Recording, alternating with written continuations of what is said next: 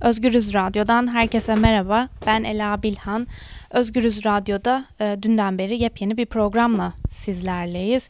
Dün ilk programımızda söylemiştik. Kısaca tekrar etmiş olalım. Dünya basında bugün adını verdiğimiz bu programda dünya basında yer alan haberleri, gelişmeleri ve öne çıkan başlıkları süremiz yettiğince sizlere aktarmaya çalışacağız ve bültenimize Almanya'nın önde gelen yayın kuruluşlarından Deutsche Welle ile başlıyoruz. Deutsche Welle'de Stockholm Uluslararası Barış Anlaşmaları Enstitüsü'nün yani SIPRI'nin 2015-2019 yılları arasında küresel silah ticaretine ilişkin raporuna yer verilmiş. ABD silahlarının yarısı Orta Doğu'ya satılıyor başlıklı haberde SIPRI'nin küresel silah ticareti raporuna göre dünya üzerindeki her 3 silahtan biri ABD tarafından üretiliyor ve rapora göre Türkiye'nin silah ithalatında 2015-2019 döneminde düşüş kaydedildi. Rapora göre aynı zamanda küresel silah ticareti hacmi 2010-2014 dönemine oranla %5 artış kaydetti. Amerika Birleşik Devletleri silah ihracatında %36'lık payla birinci sırada yer alırken ABD'yi %21 ile Rusya, %7.9 ile Fransa ve %5.8 ile de Almanya takip etti denilmiş haberin detaylarında. Sıradaki haber Berlin çocuk sığınmacıları kabul etmeye hazırlanıyor başlıklı haberde Almanya'da Hristiyan Birlik ve Sosyal Demokrat Parti'den oluşan koalisyon hükümeti Yunanistan'daki sığınmacı kamplarında yaşayan ve özellikle korunmaya muhtaç durumdaki henüz reşit olmayan çocuk ve gençleri Almanya'ya getirmeye hazır olduklarını açıkladı. Ancak bu çözümün Avrupa çapında olması isteniyor. Ege adalarında zor insani koşullar altında yaşayan sayısı 1000 ila 1500 arasında olduğu tahmin edilen sığınmacı çocukların gönüllü olacak Avrupa ülkelerine dağıtılması öngörülüyor. Söz konusu çocuklar ya ciddi bir hastalık nedeniyle acil müdahaleye ihtiyaç duyuyor ya da 14 yaşından küçük ve yanında bir yetişkin bulunmuyor denilmiş. Bunların büyük bölümünü ise kız çocukların oluşturduğu belirtiliyor. Yapılan açıklamada önümüzdeki günlerde Avrupa'da bu işe gönüllülerden oluşan bir koalisyonun söz konusu çocukların yerleştirilmesini organize edeceği ve Almanya'nın da bu konuda uygun bir oranda yardımda bulunmaya hazır olduğu kaydedildi denilmiş haberin detaylarında. Sıradaki haber koronavirüsle ilgili. Dün yapılan açıklamaya göre Almanya'da koronavirüsten ilk ölüm vakaları kaydedildi. Haberin detaylarında Çin'in Wuhan kentinden tüm dü- dünyaya yayılan yeni koronavirüs can almaya devam ediyor. Almanya'nın en kalabalık nüfuslu eyaleti olan Kuzey Ren-Vestfalya'da Heinsberg ve Essen kentlerinden iki kişinin koronavirüs nedeniyle yaşamını yitirdiği açıklandı. Essen kentinde hayatını kaybeden kişinin 89 yaşında bir kadın olduğu ve söz konusu kişiye koronavirüs teşhisinin geçen hafta salı günü konduğu belirtildi. Hastanın genel durumunun hastaneye geldiğinde iyi olmadığı ve giderek daha da kötüleştiği koronavirüs bağlantılı akciğer iltihaplanmasından yaşamını yitirdiği bildirildi. Heinsberg kentinde 47 yaşındaki bir erkeğe eyaletteki ilk koronavirüs teşhisi 25 Şubat'ta konmuştu. Bu kişinin eşinin yanı sıra karnaval kutlamaları sırasında da pek çok kişiye virüs bulaştırdığı ortaya çıktı. Almanya'nın doğusundaki Brandenburg eyaletinde de bir okulda koronavirüs şüphesi nedeniyle 4000 ila 5000 kişi evlerinde karantina altına alındı denilmiş haberin detaylarında. Deutsche Welle'nin ardından yine Almanya'nın önde gelen gazetelerinden biri olan Die Zeit'la bültenimize devam ediyoruz. Die Zeit gündemini büyük oranda koronavirüse ayırmış diyebiliriz. Almanya'da onaylanmış koronavirüs sayısı 1188'e yükseldi başlıklı haberde Robert Koch Enstitüsü'nün verileri paylaşılmış. Nordrhein-Westfalen eyaletinde vaka sayısı 515, Bayern'de 253, Türingen'de 2, Berlin'de 48, Hessen'de 20, Brandenburg'da 6 ve Baden-Württemberg eyaletinde ise vaka sayısı 234 olarak belirtilmiş. Şimdiye kadar Almanya'da koronavirüse bağlı e, ölen kişi sayısının 2 olduğu ve Alman Sağlık Bakanı Jens Spahn'ın home office yani ofiste değil doğrudan evden çalışmalarını ve tatil veya gezilerinde sınırlandırılmasını tavsiye ettiği belirtilmiş haberin detaylarında. İngiliz yayın kuruluşu BBC de gündemini koronavirüse ayırmış. İsrail'e girecek herkes iki hafta karantinada e, kalacak başlıklı haberin detaylarında İsrail Başbakanı Netanyahu ülkeye gelen herkesin koronavirüsle mücadele kapsamında 14 gün boyunca karantinaya alınacağını açıkladı. Karar İsrail vatandaşları için hemen diğer ülke vatandaşları için ise perşembe günü uygulanmaya başlanacak denmiş. Çin Devlet Başkanı Xi Jinping virüsün ilk kez görüldüğü Wuhan'a gitti. Ülkede yeni vaka sayısı azalıyor başlıklı bir diğer haberde ise Çin medyası devlet başkanı Xi Jinping'in Hubei eyaletindeki kentte sağlık görevlileriyle bir araya geldiğini ve koronavirüsün neden olduğu COVID-19 hastalığının yayılmasının önlenmesi için alınan önlemleri denetlediğini bildirdi. Dünyada şu ana kadar koronavirüs tespit edilen kişilerin sayısı 114 bini ve bu kişilerden iyileşenlerin sayısı 63 bini Hastalık sonucu hayatını kaybedenlerin sayısı ise 4000'i aştı denilmiş haberin detaylarında. Ve koronavirüsten en fazla etkilenen ülkelerden biri olan Çin'de Bugün itibariyle virüs tespit edilenlerin sayısı 80.754, iyileşenlerin sayısı 59.897 ve hayatını kaybedenlerin sayısı ise 3136 denilmiş haberin detaylarında. Sıradaki haberimiz Yunanistan-Türkiye sınırında yaşanan insani ve siyasi krize dair bir haber. Dün bültenimizde aktarmıştık, tekrar etmiş olalım. Cumhurbaşkanı Recep Tayyip Erdoğan, Avrupa Birliği Komisyonu Başkanı von der Leyen ve Avrupa Konseyi Başkanı Michel ile görüşmek üzere dün Brüksel'deydi. Görüşmede AB ve Türkiye ilişkileri, mültecilerin durumu, güvenlik ve Suriye ile ilgili konuların görüşülmesi planlanıyor demiştik. Bu görüşme gerçekleşti fakat bu görüşmenin sonunda da neredeyse yeni bir siyasi kriz doğdu diyebiliriz. Çünkü Cumhurbaşkanı Erdoğan Brüksel'de AB Konseyi ve AB Komisyonu başkanlarıyla planlanan ortak basın toplantısına katılmadı. Hatta toplantıyı terk etti denildi. Dün bültenimizde Times gazetesinin konuya ilişkin bir haberinde haberine yer vermiştik. Times gazetesinin Erdoğan göçmen akınını durdurmak için AB'den daha fazla para istiyor başlığıyla verdiği haberde Cumhurbaşkanı Recep Tayyip Erdoğan'ın Avrupa Birliği yetkilileriyle mülteci krizinin çözümü için yapacağı görüşmeleri değerlendirmişti. Times Erdoğan'ın göçmenlerin ve mültecilerin Yunanistan sınırını akın etmelerini durdurmak için AB'den 100 milyonlarca euro talep etmesini beklendiğini yazmıştı. E, haklı çıktı diyebiliriz. Konuya ilişkin aktaracağımız haberin detaylarında İngiliz gazeteleri Cumhurbaşkanı Recep Tayyip Erdoğan'ın dünkü Brüksel gezisine e, sayfalarında geniş yer ayırdı denilmiş. İngiltere'de yayımlanan Times gazetesi Erdoğan ve Avrupa Birliği yetkilileri arasındaki görüşmede anlaşma sağlanamadığını, Erdoğan'ın da Yunanistan'a göçmen ve mülteci akışını durdurma konusunda herhangi bir söz vermediğini vurguladı. Gazete AB'den göçmenler için daha fazla maddi yardım isteyen Erdoğan'ın görüşmeyi terk ettiğini yazdı. Deutsche Welle'ye dayandırılan haberde görüşme sonrasında planlanan ortak basın toplantısı ise Erdoğan olmadan gerçekleştirildi. Erdoğan ve beraberindeki yetkililerin üstlerinde paltolarıyla salonu terk ettikleri ve otomobillerle binadan ayrıldıkları gözlendi denilmiş. Times'ın Brüksel muhabiri Bruno Waterfield'in haberine göre Erdoğan'ın Avrupa Komisyonu Başkanı von der Leyen ve AB Konseyi Başkanı Charles Michel'le e, gergin geçen görüşme 1 saat 45 dakika sürdü. Erdoğan Avrupa Birliği'ni yeterli sayıda mülteci almamakla, Türkiye'ye mültecileri barındırması için yeterli maddi yardımda bulunmamakla ve Ankara ile Brüksel arasında 2016'da varılan anlaşmaya uymamakla suçladı ve görüşmeyi aniden terk etti denilmiş.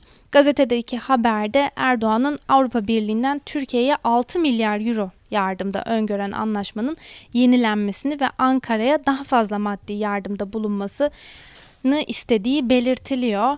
Görüşme sonrası yapılan açıklamada Avrupa Komisyonu Başkanı Ursula von der Leyen 2016'da imzaladıkları anlaşmanın tam olarak ne anlama geldiği ve hangi maddelerin uygulanmadığı konusunda Türkiye ile aralarında görüş ayrılıkları olduğunu belirtti. AB Konseyi Başkanı Charles Michel de iki tarafın yetkililerinde önümüzdeki günlerde anlaşmanın uygulanmasını netleştirmek ve bir noktada buluşup buluşmadıklarını görmek için bir araya geleceklerini açıkladı denmiş haberin detaylarında. Afganistan'dan bir haber paylaşacağız. ABD Taliban'la imzaladığı anlaşma kapsamında Afganistan'daki askerlerini çekmeye başladı. Başlıklı haberin detaylarına geçmeden önce kısaca ne olmuştu onu da belirtelim. ABD Afganistan'ı 2001'deki 11 Eylül saldırıları sonrasında işgal etmişti. İşgal sonrası ülkedeki yönetimi son bulan Taliban 2018 itibariyle Afganistan'ın üçte ikisinden fazlasında hala aktif şekilde faaliyet gösteriyordu. ABD son barış anlaşmasına karşın geçen hafta Helmand eyaletinde Afgan güçlerine saldıran Taliban savaşçılarına hava saldırısı düzenlemiş. Taliban pazartesi günü çatışmasızlık çağrısı yapmıştı. Bugün paylaşılan haberde ise halen halen Afganistan'da yaklaşık 12 bin askeri bulunan ABD bu rakamı 135 gün içinde 8600'e indirecek. ABD ve NATO'daki müttefikleri ülkedeki diğer askerlerinin ise Taliban Barış Anlaşması'nın koşullarını yerine getirirse 14 ay içinde çekecek. Taliban anlaşmada ABD'ye Afganistan'ın El-Kaide gibi radikal örgütler ve bu gruplar içindeki korunaklı bölgeye dönüşmeyeceği yolunda garanti vermişti. Afganistan hükümeti ise ABD ile Taliban arasındaki müzakerelere katılmamıştı. Kabil yönetimi yaklaşık 5000 Taliban mensubu tutuklu ve hükümlüyü serbest bırakmak için ise örgütün doğrudan kendisiyle müzakerelere girmesini şart koşuyor. Ancak Afganistan Cumhurbaşkanı Eşref Gani'nin bu hafta en az bin tutuklu ve hükümlünün serbest bırakılmasını öngören kararnameyi de imzalayabileceği bildiriliyor denilmiş haberin detaylarında. Haber turumuza İngiliz yayın kuruluşu Independent'la devam edeceğiz. Independent, ABD'de 3 Kasım'da yapılması planlanan seçimlere ilişkin bir habere yer vermiş. Biden'a yüklenen Sanders, demokrat seçmene seslendi. Kimin tarafındasınız?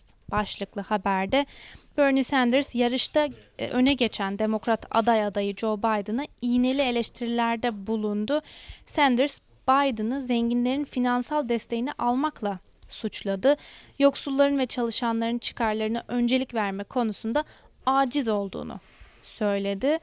Seçim yetkililerinin Sanders'ın süper salıda yani ABD başkanlık ön seçimlerinde diğer günlere kıyasla en çok eyalette seçimlerin yapıldığı gün olan süper salıda eski başkan yardımcısının aldığı 10 eyalete karşılık 4 eyalette kazanacağını doğrulamasının ardından Vermont senatörü geride kalarak kendini yarıştaki yerini korumak için e, mücadele ederken buldu. Sanders, çalışan insanların yanında mısınız?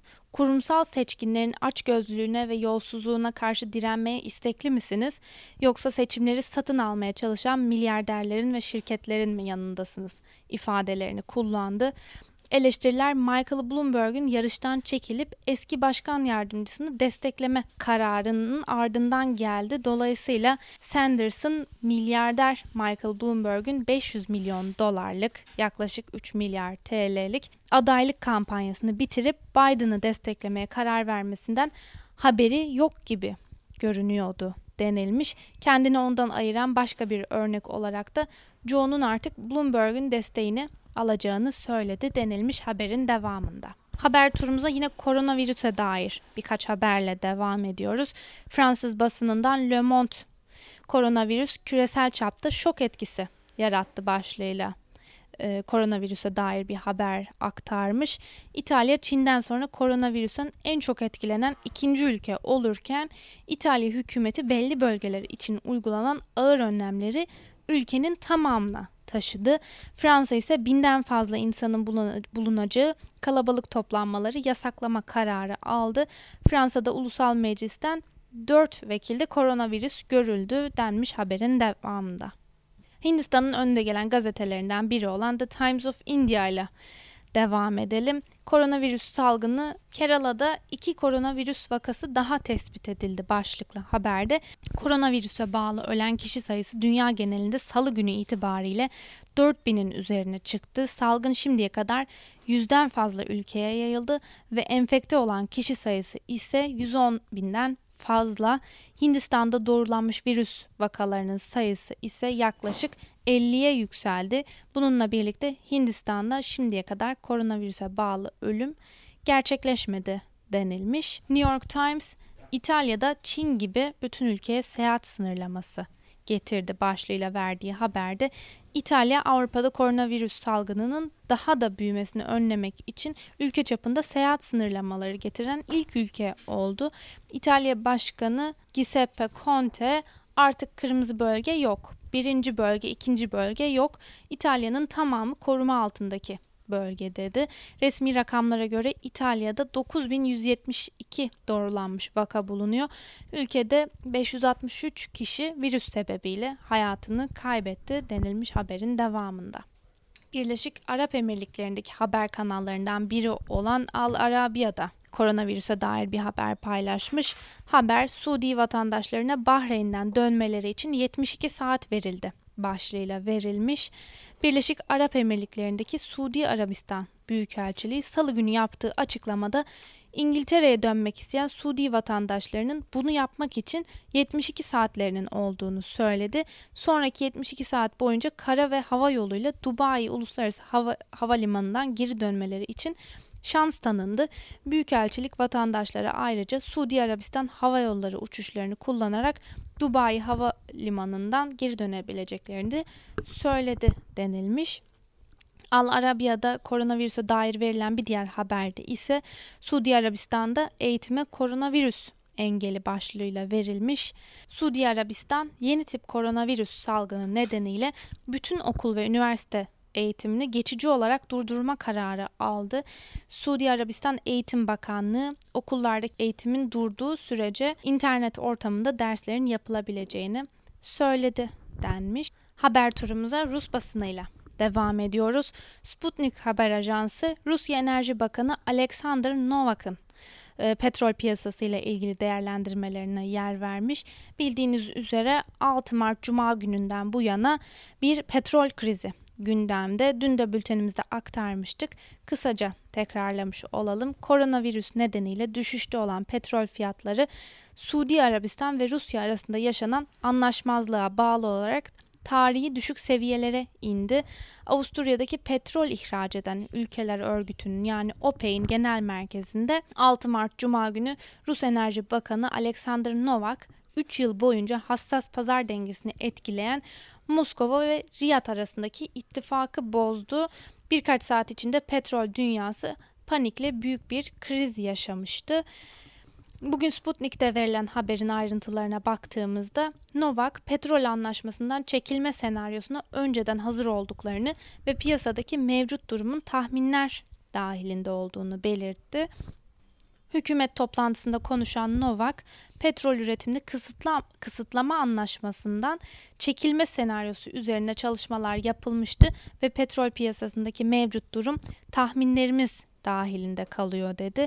Rus Bakanı ayrıca Rusya tarafı koronavirüsün küresel ekonomi ve petrol talebine olan etkisini daha iyi anlayabilmek için anlaşmanın mevcut koşullarda en az ikinci çeyreğin sonuna kadar uzatılmasını teklif etti.